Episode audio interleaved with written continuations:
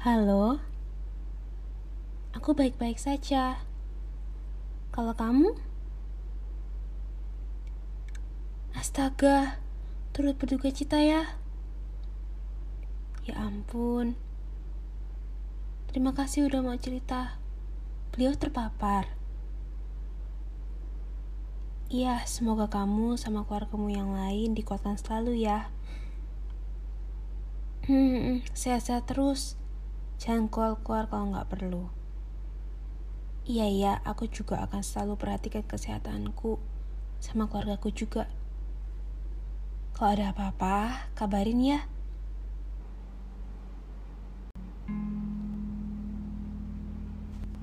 Resah, gelisah, susah. Kapan ya kita akan bertemu lagi? Melepas rindu, berpelukan tanpa harus cemas akan ada yang menjadi korban. Kapan ya kita akan berkumpul lagi? Ngobrol tanpa penutup wajah, tanpa takut terpapar wabah. Seberapa sering sih hari-hari ini kita dengar pertanyaan-pertanyaan itu? Bahkan gak jarang kita sendiri yang melontarkannya. Pertanyaan-pertanyaan yang sebenarnya sudah kita tahu, gak punya jawaban. Tahun 2020 lalu, sudah berangan-angan bahwa tahun ini akan bebas dari kegelisahan akibat pandemi. Tahun lalu sudah berimajinasi bahwa hari ini akan pergi ke tempat-tempat yang belum bisa dikunjungi. Tahun lalu juga sudah ingin sekali rasanya hari ini bagi anak-anak rantau mengunjungi keluarga yang jauh di sana yang belum sempat dijumpai. Sayangnya, yang di atas berkehendak lain. Yang terjadi adalah yang sebaliknya. Angka positif semakin naik di negara ibu pertiwi beberapa minggu yang lalu. Puluhan ribu sehari membuat tersayat hati. Waktu lihat story Instagram, setiap 5-7 stories, pasti ada berita mengenai pandemi. Ada yang butuh donor plasma, tabung oksigen, mencari kamar rumah sakit akibat penuh, membuat adanya rasa sesak di dada.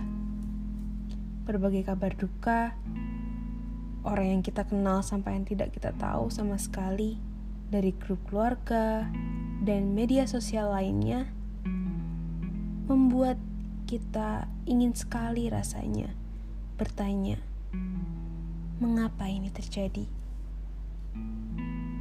Tak sedikit juga orang-orang yang tetap tidak mencoba bersimpati dan ingin menang sendiri. Tidak peduli dengan protokol yang ada. Padahal ini semua demi kepentingan pribadi dan bersama. Apa salahnya sih menjaga kebersihan diri? Ada pihak yang berkata, semua data dan fakta yang ada di media itu dibesar-besarkan dan hanyalah fiksi semata. Tidak mungkinlah sampai sebegitunya. Ada yang berkata juga, berita yang dalam tanda kutip kurang baik itu justru menakut-nakuti. Kalau hanya mulut yang diberi kesempatan berbicara, kapan telinga belajar untuk mendengar?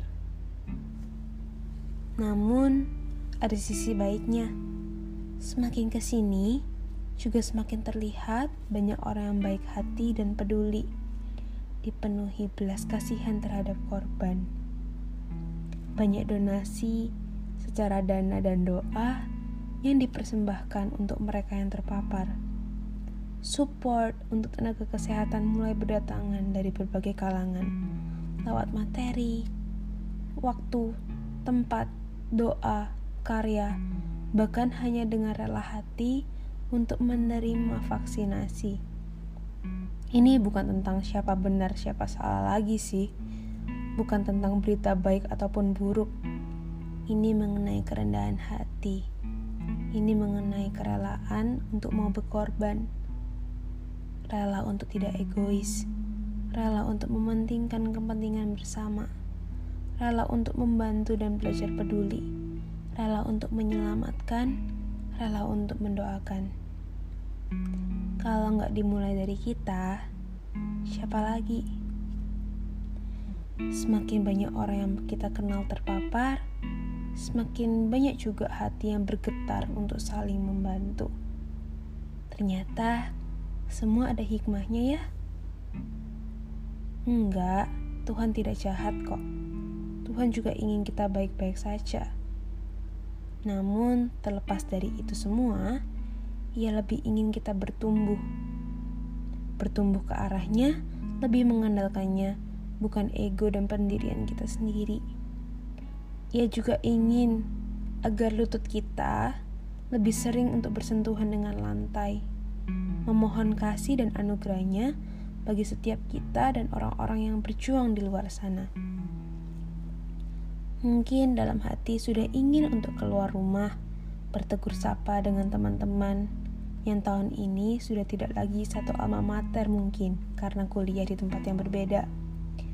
Mungkin diri ini sudah sangat rindu untuk sekolah, kuliah, dan bekerja secara tatap muka, tidak selalu menatap layar gadget untuk melakukan pertemuan virtual setiap harinya. Namun, sekali lagi, yang di atas berkehendak lain. Buat kamu yang lagi berduka cita, take your time ya. It's okay not to be okay. Jangan lupa makan, jaga kesehatan, tetap tegar dan kuat karena masih ada harapan, masih ada masa depan. Kamu hebat. Dan buat kamu yang sedang baik-baik aja ataupun yang lagi mungkin marah sama keadaan hari-hari ini, bertahanlah. Ingatlah kalau nggak semua orang bisa diam di rumah. Ada yang harus mencari nafkah harus ke kantor, ada yang tenaganya sangat amat diperlukan oleh pasien-pasien di rumah sakit, dan berbagai hal lainnya. Berterima kasihlah untuk itu. Say thank you ya ke Tuhan.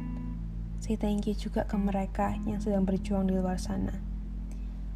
Untuk setiap kalian, ya setiap kamu yang lagi dengerin podcast ini, setiap orang yang masih diberi hati untuk rela kamu hebat. Dan aku percaya dengan ini kita akan cepat pulih. Indonesia akan cepat bangkit. Dan kita bisa baik-baik saja. Halo, aku baik-baik saja.